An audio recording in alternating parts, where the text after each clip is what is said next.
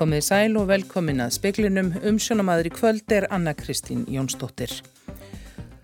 Ung kínuversk kona druknaði við reynisfjör í dag eftir hún barst út með öldunni. Ekki er nógu langt gengið í samningsdraugum sem lögð eru fram á lofslags raðstöfni saminuðu þjóðana segir umhverfisráþra en horfa verði fram á veg og góður andi ríki á raðstöfnunni. Maður á 60 aldri lést í morgun þegar rafskúta sem hann var á og létt biffjól skullu saman. Þetta er fyrsta banaslýsið sem tengist rafskútum hér á landi. Örfunar skamta áttak hefst í lögudalshöllin eftir helgi. Sóttvarnalækni segir að ekki takist að gefa öllum örfunar skamt fyrir áramót því að minnst fimm mánur þurfum við að líða frá annari spröytum. Stefan Löfven fórsættis ráð þeirra Svíþjóðar laði í dag fram afsagnabeðinu sína. Almennt er búist við að Magdalenu Andersson fjármálar ráð þeirra verði falið að mynda stjórn. Ung kínversk kona ljast þegar hún fór út með öldu í reynisfjörum hálf þrjúleitið í dag. Konan var í hópi ferðamanna þegar alltaf hreyfan á brott. Fram kemur í tilkynningu frá lauruglun á Suðurlandi að Björgunarsveitir, Rángarvalla og Skaftafellsíslu hafi leitað hennar auk bátasveita frá Árnusíslu og bát frá Vestmanni. Þyrlusveit Þyrlu landhelgiskeslunar fann konuna í sjónum við reynisfjöru, rannsóknardeild lauruglustjórans á Suðurlandi, rannsakar nú tildrögslissins. Og maður á 60 aldri lést í morgun við gatnamót kringlumýrabrautar og sæbrautar í Reykjavík, Ramags hlaupahjól sem hann var á og maður á léttu bifhjóliskullu saman. Báðir voru menninni með hjálm en aukumað bifhjólsins er alvarlega slasaður á sjúkrahúsi. Guðbrandur Sigursson, aðstóðar yfirlögur þjóðn, segir að bæði hjólinn séu til rannsóknar og það hvort þeim hafi verið breytt svo þau kæmust hraðar. Biffjólið er talið að geta náð 45 km hámarks hraða og rafskutan 25 km. 25 er mikill hraða á svona hjóli, hvað þá það eru orðið meira á göngustígum, hjólastígum eða á göngugötum innan um annað fólk. Þetta er, gefur auðarleið að hann má ekki vera meir en 25 og annað er bara stór hættulegt öðrum og þeim sjálfum. Sagði Guðbrandur Sigursson. Það ríkir góður andi á láslagsraðstefni saminuðu þjóðana í Glasgow, segir Guðmundur Ingi Guðbrandsson umhverfistar á þeirra, þó að ekki sé nógu langgengi í þeim draugum að samkómulagi sem byrt voru í dag. Þetta er ekki nóg. Það er kannski aðalega það að fyrir fundin þá voru líkur á að þau lofur sem að ríki voru búin að gefa myndu leiða til þess að við myndum enda í 2,7 gráðu klínun. Við erum að horfa núna samkvæmt umhverfistofnum saminuð þjóðana við séum komið niður í 2,4. Það er skreif fram á við en það er ekki nóga því að Parísa samkominnlegi segir að við eigum að vera í 2 gráðum og helst sem næst 1,5 gráðum. Þannig að það er alveg ljóst að ákall, uh, ákallið er á að það verði gert betur heldur en það og það er gríðarlega mikilvægt. Það er kannski ekki líklegt að það náist hérna í ár en að við höldum áfram þannig að á næsta ári, þar næsta ári og svo framvegist þá stígum við skref og helst að, að þetta klárist sem allra allra fyrst því að það er bara óbúslega mikið sem að, sem að likur undir. En ertu sáttur við orðalæðið í þessum sanningströgum? Og ég held að það sé mjög mikilvægt að það komi fram í þessari ákverðum fundarins að við erum ótröð að stefna á það að ná þeim marknum vegna þess að það verða að vera skilabóðin híðan frá Glasgow að við ætlum að ná þessu þó svo að það náist ekki allt núna. Saði Guðmundur Ingi Guðbrandsson, Holmfríðu daginn í Fríðjónsdóttir, rændi við hann. Fjöldi fólks fór í sína tökku í dag eins og síðustu daga. Mikið álag er á smittrakningateiminu við að hafa samband við þá 178 sem greindust í gær og að rekja smittin. Allsherjar áttak hefst í lögadalsöllin á mánudaginn þá fá fullbólusettir örfunar skamt. Byrja verður á elsta hópnum og fólki með undirlikjandi sjúkdóma. Þórólfur Guðnarsson, sótvarnaleknir, segir ekki verið hægt að klára örfunar bólusetningu fyrir en eftir áramót. Það mun hins vegar taka dálitinn tíma fram yfir áramótin einfallega vegna þess að það þarf að líða ákveðin tími frá spröytu 2 og yfir í spröytu 3. Það verður að líða minst 5 mánuðir. Þórólfur sagði í hátegisfrettum að það stittist í að reglur eruðu hertar ef fjöldi smita held áfram að vera eins hár á síðustu daga. Hann segir personabundnar síkingavarnir virðast núna undanfarið ekki hafa dögað einar og sér. Um 2% þeirra sem smitast af COVID þurfa að leggjast inn á sjúkurahús. Í dag eru 1353 í einagrunn. Með að við þann fjölda þurfa 27 þeirra að leggjast inn. Nú liggja 15 á sjúkurahúsi með COVID, þar að fjórir á gjörgjastlu og þrýr þeirra í öndunarvél. Það er eina leiðin okkar núna út úr þessu. Það er eina að halda kurvinni núna niður þannig við fáum ekki alvarlegt ástand hér innanlands og hveti alla til að mæta í örfuna bólusetningu og þá sem að hafa ekki mætt í bólusetningu að mæta náttúrulega í bólusetningu. Saði Þórólu Guðnason, Þórdís Arljósdóttir tók saman. Arnór Guðmundsson, forstjóri mentamálastofnunar, segir að rekja megi óanægu starfsmanna með starfsumhverfi á stofnunni að hluta til til þess þraunga fjárhagsramma sem henni sé settur. Þá hafi kórunveru faraldurinn reynst krefjandi en hann vonar að hægt verða bæta úr stöðinni. Þetta kemur fram í yfirlýsingu frá Arnóri. Fram kom í draugum að skýrslu um starfshætti á stofnunni að starfsfólk bæri lítið tröst til stjórnenda. Það ríkti skaðil skaðlegur starfsandi sem ógnaði öryggi og heilsu starfsfólks. En starfsfólki sendi mentamálaráðanettinu álíktunni gær þar sem það sagðist ekki treysta fórstjóranum og að hann yrði að víkja. Stefan Löfven sagði í dag af sér en bætti forsættistar á þeirra svíþjóðar. Almennt er talið að Magdalena Andersson, fjármálar á þeirra, fái umboð til að mynda nýja stjórn. Helmingur sænsku þjóðarinnar vil að hún tanki við stjórnartaumanum. Stefan Löfven afhendi Andreas Norlin fórseti að sænska þingsins afsagnarbeðni sína í hádeginu að staðurtíma í beitni útsendingu sjónvarpstöðva og í leftur blossaljósum bladaljósmyndara. Löfven var fórsetis á þeirra í sjö ár. Hann sagði á fundi með frettamönnum eftir afsögnina að öll hefðu þau verið frábær og hann hefði kappkostað að setja haglands og þjóðar í forgang. Det har varit sju fantastiska år och jag har i varje läge, varje beslut agerat utifrån vad som är bäst för Sverige.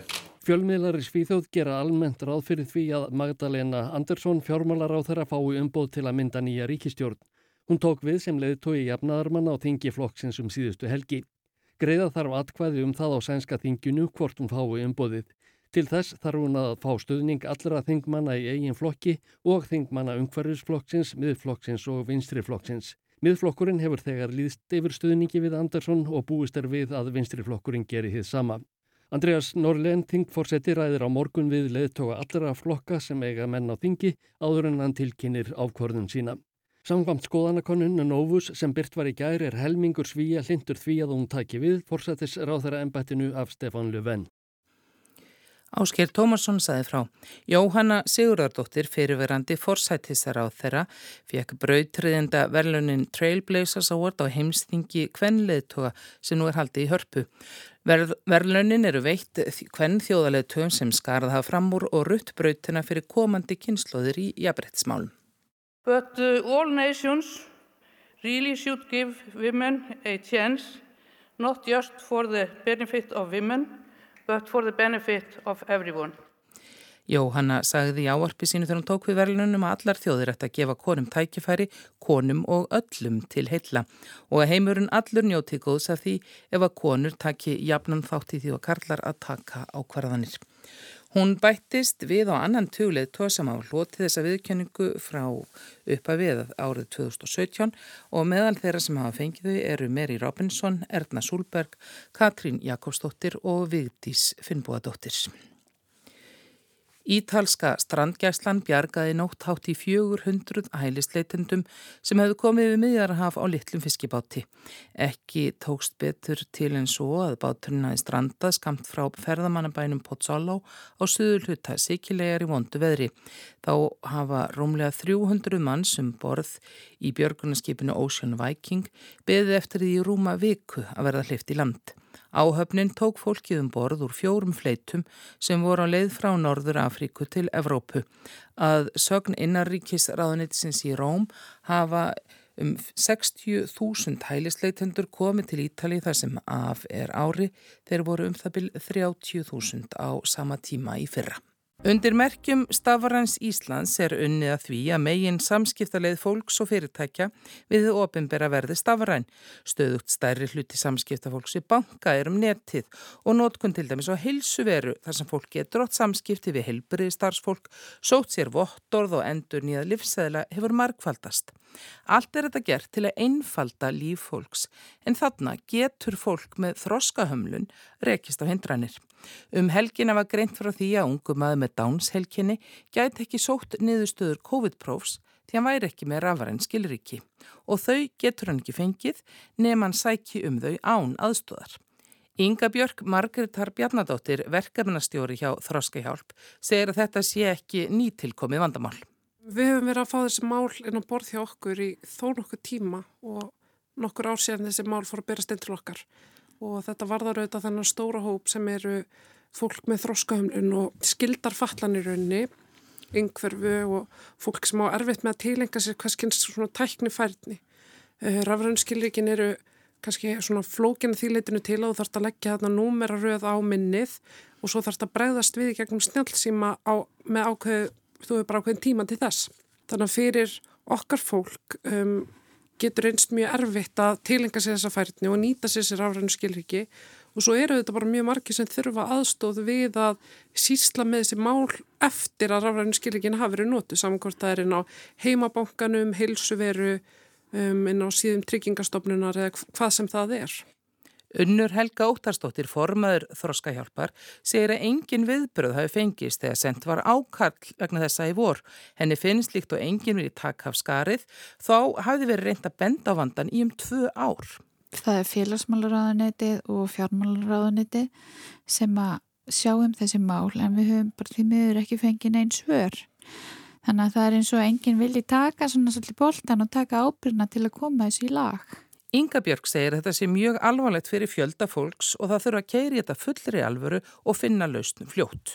Þannig er mjög mikilsverð réttindi í húfi og við í þessu minnisblæðu okkar þá komum við bara hérna, inn á það hva, hverja lausninar geti verið og höfum til dæmis unni með ennbætti landlæknis að lausnin á heilsuveru en það er svona kannski, það vantar einmitt svolítið bara einhver farin á þetta gráa svæði eins og oft er sagt að einhver bara taki bóltan og, og klári þetta mál og, og við vitum að, að þetta snýst svolítið um það sem kallast svona rekjanleiki að hérna segjum bara sér svo að einstaklingum með þróskomlun búi í búsötu þjónustu þá viljum við ekki að hver sem er geti skráð sig inn sísla með hans mál, jafnvel millifært peninga komist inn í læknisgögn án þess að sé ljúst hver er að skrá sig inn og hver er að aðstóðan og um það snýst þetta í grunninn að það sé uh, hægt að rekja það hver er að aðstóða einstaklingin. Málið er náttúrulega að fólk hefur verið að nota ísleikil núna í gegnum tíðin og þar er engin rekjanleiki heldur. Með því að nota rafrænuskilíkin áfram en að láta aðstofa fólk eða aðstandendur eða þann sem hefur þetta lög, lögformlega hlutverk sem er að vera personlegu talsmaður að hann skrái sinn með sínum skilíkjum og skipti svo um notanda og þetta sniðmat er þegar til vegna þess að þetta er það sem við gerum þegar við erum foreldrar eða forsjáraðilar þá skráfum við okkur inn og hilsu verum okkar skilríkjum og skiptum svo um notanda yfir í börnin okkar. Og þetta er auðvitað hægt að gera alveg eins með falla fólk sem þarf aðstóð að sá sem hefur sko kannski svona réttindi til þess að aðstóða þau geti skráð sér inn á eigin skilríkjum og þar eru við komið en að reykjanleika. En eins og þetta er núna þá tröflar þetta fólk í mörgu. Einstaklingar hafa ekki aðganga bankreiningunum sínum, uh, geta ekki farið í, í hérna panta sínatöku í gegnum heilsuveru eða bara að fengi bólusetningu vottorð ef að viðkomandi allar að skella sér til útlanda og þarf að sína fram á vottorðið, skila skattskíslinni, um, Íslandi sem allir voru að fá á tímabili Það geta mhm. ekki sótt svona sína þannig að það er ímiskerðindi sem þeir verða fyrir og þetta er klárlega bara mannristindabrót. En það er fullur skilningur á því að það verða að tryggja rekjanleikan og öryggið. Það sem maður hefur upplegað það er búið að loka neittni hurð sem eru hérna, íslikillin og það er verið að loka henni án þess að neitt komi í staðin og við erum í mjög hraðri stafræðni framþróun á Íslandi. Þetta gerist á liftur hraða og maður einhvern veginn bara hefur ekki undan að skila umsögnum og kynna sér nýjustu vendingar hjá stjórnvöldum. En það er eins og enginn staldri við og hugsa um þennan hóp. Og þetta er hópur sem er nú þegar mjög jáðarsettur í samfélaginu og þarf að hafa mikið fyrir þáttöku og að fá upplýsingar og bara öll þessi svona daglegu verkefni sem, sem falla á mann þegar maður er fallaður og ég þekki það þetta sjálf sem manneska í hjólastóla, þetta er, getur verið bara mjög mikil vinna að vera fallaður og í samskiptum við ríkistofnanir að við erum einhvern veginn að auka þetta álag ennþá frekar með því að búa til allskynns krókalegir til þess að komast inn á mína síður og til og með eins og bara ég sem er ekki með þróskamlun ætla að skila skattaskíslu þá er það bara gert með hérna, snjálfsímanu tekur eina sekund að skrá sig inn en ef þú hefur ekki rafnir skilrikinn þá þarftu sko að fá veflíkil sendan heimti á lögheimilið þitt og í post með brefposti. Þannig að þið, þú veist, átti ykkur á því að hvað þetta býr til bara svona endalusar, svona kerfislegar hindranir út frá rafræðinu skilurkjónum. Andri Heiðar Kristinsson, framkvæmdastjóri Stafrans Íslands, tekur undir það að ráða verði á þessu bót. Og ég held að við getum gert miklu betur í þessum öfnum. Það er alveg skýrt í okkar huga að Stafran þjónusta á að vera í bóði fyrir alla hópa samfélagsins, ekki bara suma. Og auðvitað á Stafran, þó að við hefum langt í land með að segja, þróa þessa stafræna þjónustu heilt yfir í landinu og, og þá eftir að bæta við mikið af ferlum sem eru bara ennþá á pappir fyrir alla að þá er gríðarlega mikilvægt að við gerum miklu betur í þessu málahopni fyrir, fyrir þá sem eru með þroskaheftir eða með eh, einhverja föllun eða heyrnaskerðingu eða sjónskerðingu eða eldri borgara líka og aðra hópa sem að eiga ekki auðvelt með að nálgast stafræna þjónustu og við getum gert miklu betur þar heldur við gerum í dag. Þessi vandamál sem hefur líst svona í fréttum undarfærið þar sem þetta verið stengulegi snúast um það að menn verða að geta klára þetta alveg sjálfur mm -hmm. er ekki hægt að leysa það með einhverju umbóðsmannakerfið einhverju í þá veran? Jú, það er akkur það sem við, svona, svo laust sem við höfum bent á og erum að vinna í á Stafran Íslandi.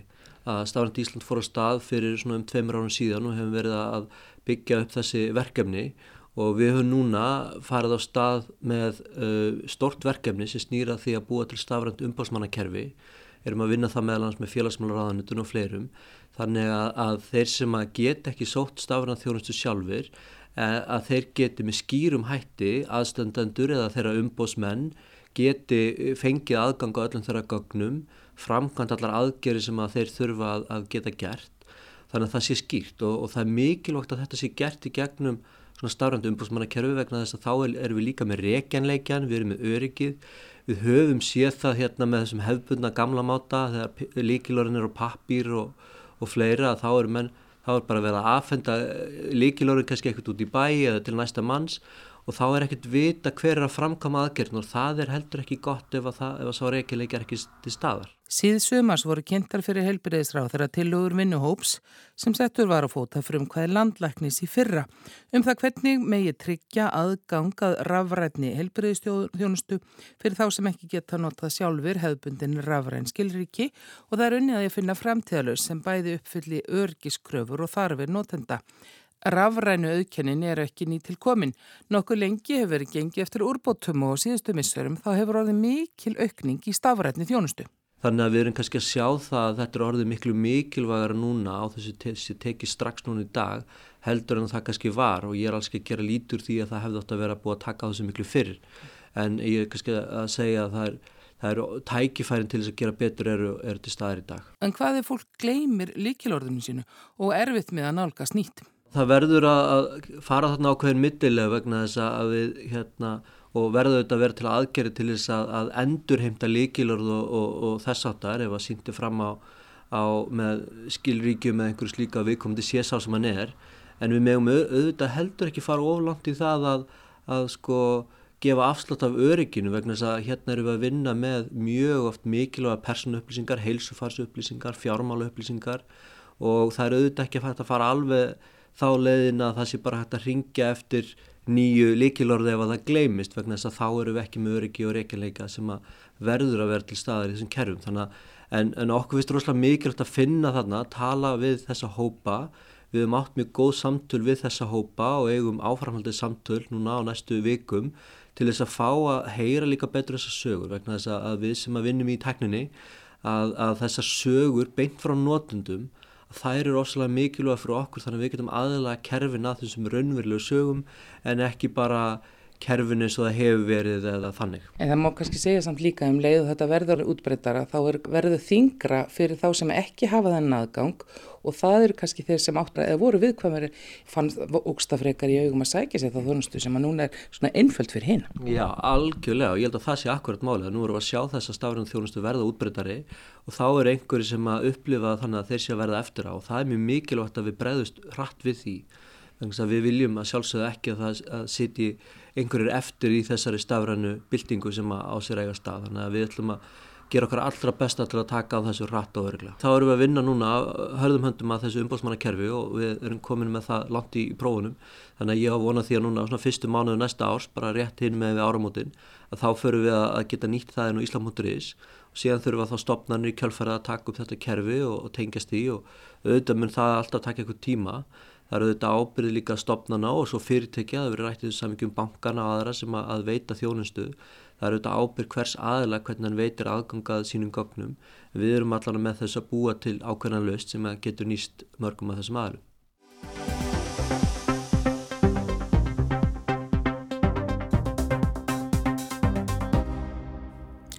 2,7 gráður. Svo mikið mun meðalhittin á jörðinni aukast frá því sem var fyrir yðinbyltingu verði áframhaldi á sömu braut. Miklu meir en þær 2 gráður er helst 1,5 sem þjóðir heims stefna að samkvæmt Parísar samkómulæginu. En í París fyrir 6 árum lofuðu leðtóðar aðgerðum nýja rannsóknir sína aðeins örf á lönd hafa emt þau lofórð. Jafnvel Svíþjóð, ríkt land með þróahagkerfi og stóra endurnílega orkugjafa er langt frá því að ná markmiðum sínum í lofslagsmálum. Það skortir ekki á áhuga á lofslagsmálum hér í Svíþjóð. Um 67% landsmanna hafa á þeim mikinn áhuga. Hér hafa verið fjölmenn mótmæli og umfjöllunum lofslagsmál, umhverfismál og þær hamfarir sem breytt veðurfarir þegar farið að valda eru fyrirferðamikil í sænskum fjölmjölum.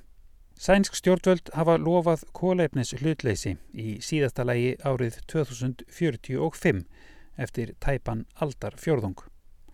Samkvæmt útreikningum Naturvårdsverket, stopnunar sem svipar til umhverfistofnunar, hefur losun þegar minkað um 29% frá árunu 1990 til dagsins í dag, en þarf að minka enn á næstu 24 árum. Það likur þó kannski meira á að uppfylla markmiðin fram til 2030, markmið sem þurfaða nást á aðeins 8 árum. Lósun frá samgöngum á til dæmis að minka um 70% miða við árið 1990. Þegar hefur verið dreyir úr lósun um 20% en það er gríðar mikið verk óunnið og skammur tími til stefnu. Naturvårdsverket segir þetta mögulegt en til þess að það takist þurfi mun meira að koma til en í dag og meiri segja á sænska þinginu er fólk svart sínt aðeins þrýr af átta flokkum á ríkstagen telja að markmiðið náist. Svíþjóð er þó ekkert einstæmi þegar kemur að því að hægt gangi að stöðva losun gróðurhúsaloftegunda. Í haust byrtu samtökinn Climate Action Tracker rannsókn sína á því hvernig 37 ríkjum heims gengur að efna lofurð Parísarsamkominlagsins. Aðeins eitt þeirra var á réttri leið, Gambia, tveggja miljóna smáríki á vesturströnd Afríku. Samkvæmt skýrslunni gerir Evrópusambandið ekki nóg. Ef öll lönd heimsins gera jafn lítið og lönd ESB, þá hækkar meðalhviti á jörðinni um þrjár gráður, tvöfalt það sem stemtir að. Bandaríkin og Japan standa sig heldur ekki nógu vel og loford rúsa, Írana og Sáti Arabaðum aðgerir til að draga úr lofslagsbreytingum eru langt frá því að duga til.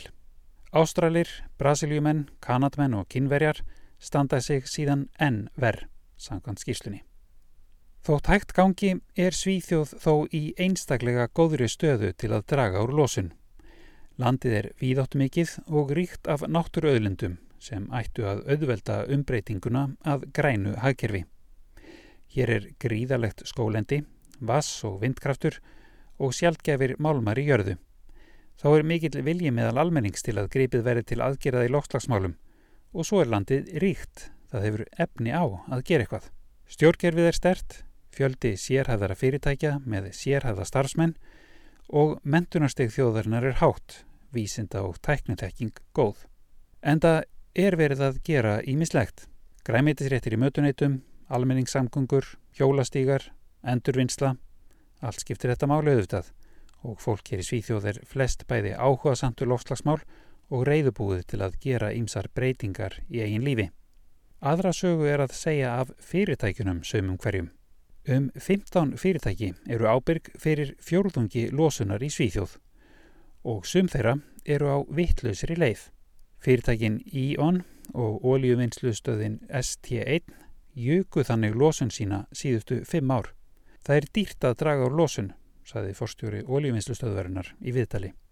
Önnur fyrirtæki eru á réttri leið en allt of hægt. Námavinnslur í sinn LKAB hefur minkað losun frá sinni starfsemi um rúmt prósent á ári síðustu ár. Miklu, miklu minna en þau 7-8% á ári sem þarfað meðaltali til að ná lofslagsmarkmiðum svíja. Og stálframlegandin SSAB sem er ábyrgur fyrir um 10% af heildarlosun svíþjóðar hefur minkað losun sína um hálft prósent á ári síðustu 6 ár. Það er ekki einfalt mál að minka losun frá stálframleyslu. Til að framleiða stál úr hjárni þarf að brenna kól. Fyrirtækið er því að þróa nýja leið til að framleiða kólernis hlutlaust stál. Í stað kóla verði notað vettni. Aðferðin er eins og er ný og óvist hvort hægt verið að nota hana við stálframleyslu í stórum stíl. Auk þess er hún gríðarlega orkufreg og til að framleiða þetta kólernis hlutlausa stál þarf mjög mikið af endurníjanlegri orku. Á sama tíma stendur til að rafæða bílaflótana miklu leiti og breyta annari raforkuframleyslu í Svíþjóð þannig að hún verði endurníjanleg árið 2040. Til að þetta takist þarf um 100 teravattstundir af vindorku á ári til viðbótar við það sem nú er. Til samanburðar má nefna að Káranhugavirkjun, langsamlega stærsta vassaflsvirkjun á Íslandi, er tæpar 5 teravattstundir. Því þarf sem jafngildir um 20 káranhugavirkjunum. Og ef áform stálframleindans SSAB um að framleiða stál með vettni verðað veruleika, þarf um 50 teravatstundir af rávorku til viðbútar eða 10 káranhugavirkjanir í viðbút. Til að framleiða svo mikið rafmagn þarf fjögur til 6.000 vindmilur af nýjustu gerð. Þetta er þó ekki einfalt því að víða setja sveitafélög sig upp á móti nýjum vindorkugörðum. Vindmilunar eru enda engin smá smíði. Margar eru 200 metra háar og upp í 330 metra háar. Það er meira en fjórföld hæð Hallgrímskirkju. Og þegar spaðarnir á slíkum ferleikjum snúast, þá heyrist það. Og svo eru þær lausnir sem virðast vera einfaldar Rafaðing bílaflótans, um þá lausn eru flestallir stjórnmálamenn samála og svo væri hægt að endurheimta votlendi í stórum stíl. Lósun úr framræstu landi hér í Svíþjóð er álíka mikil og öll lósun sænska bílaflótans. Með því að loka skurðum og breyta landi í votlendi á ný myndi lósunin stöðvast og landið byrjað binda gróðrúsaloftegundir aftur í stað þess að losa þær. Víða þau slíkar aðgerðir líka til þess að auka lífræðilegan fjölbreytileika og draga úr hættu á flóðum og þurkum. Sænska ríkið hefur enda reyndað íta undir endur heimt votlendis. Landegundur geta sótt um styrki úr ríkisjóði en kerfið er flókið, trekt og ekki jafn mikið fjö í því og til þarf. Á síðustu tíu árum hefur ríkið aðeins veitt styrki til að endur heimta um hálft prósent af öllu því votlendi sem búið er að ræsa fram í Svíþjóð. Eftir sem áður eru fálönd í að góðri aðstöðu og Svíþjóð til að draga úr losun gróðurúsaloftegunda. Og takist löndum á borð við Svíþjóð ekki að draga rætt úr losun og standa við skuldbindingar sínar í lofslagsmálum er kannski lítil von til að önnur lönd gerir það. Þetta er Kári Gilvosson sem talar frá Gautaborg. Viður horfur eru þær, það verður norðanátt 8 til 13 metrar á sekundu og snjókom eða jél, léttir smán saman til sunnan og vestalands. Hiti um og yfir frostmarki, það fristir allvíða í kvöld og stittir upp. Það var helst í fréttum að ung kínversk kona druknaði við reynisfjör í dag eftir hún barst út með öldunni og maður á sextusaldri lést í morgun þegar rafskúta sem hann var á og létt bifjól skullu saman. Þetta er fyrsta banaslýsið sem tengist rafskútum hér á landi. Það er ekki nógu langt gengið í samningsdraugunum sem lögð voru fram á láslagsraðstöfnu saminuðu þjóðana segir umhverfisráð þeirra en horfa verði fram á veg og það er ekki góð randi á raðstöfnunu. Og örfunnar skamta áttak vegna kórunveru farlsins hefst í lögadalshöllinni eftir helgi. Fleira er ekki í speklinum í kvöld. Magnús Þorstein Magnússon sendi út. Verðið sæl.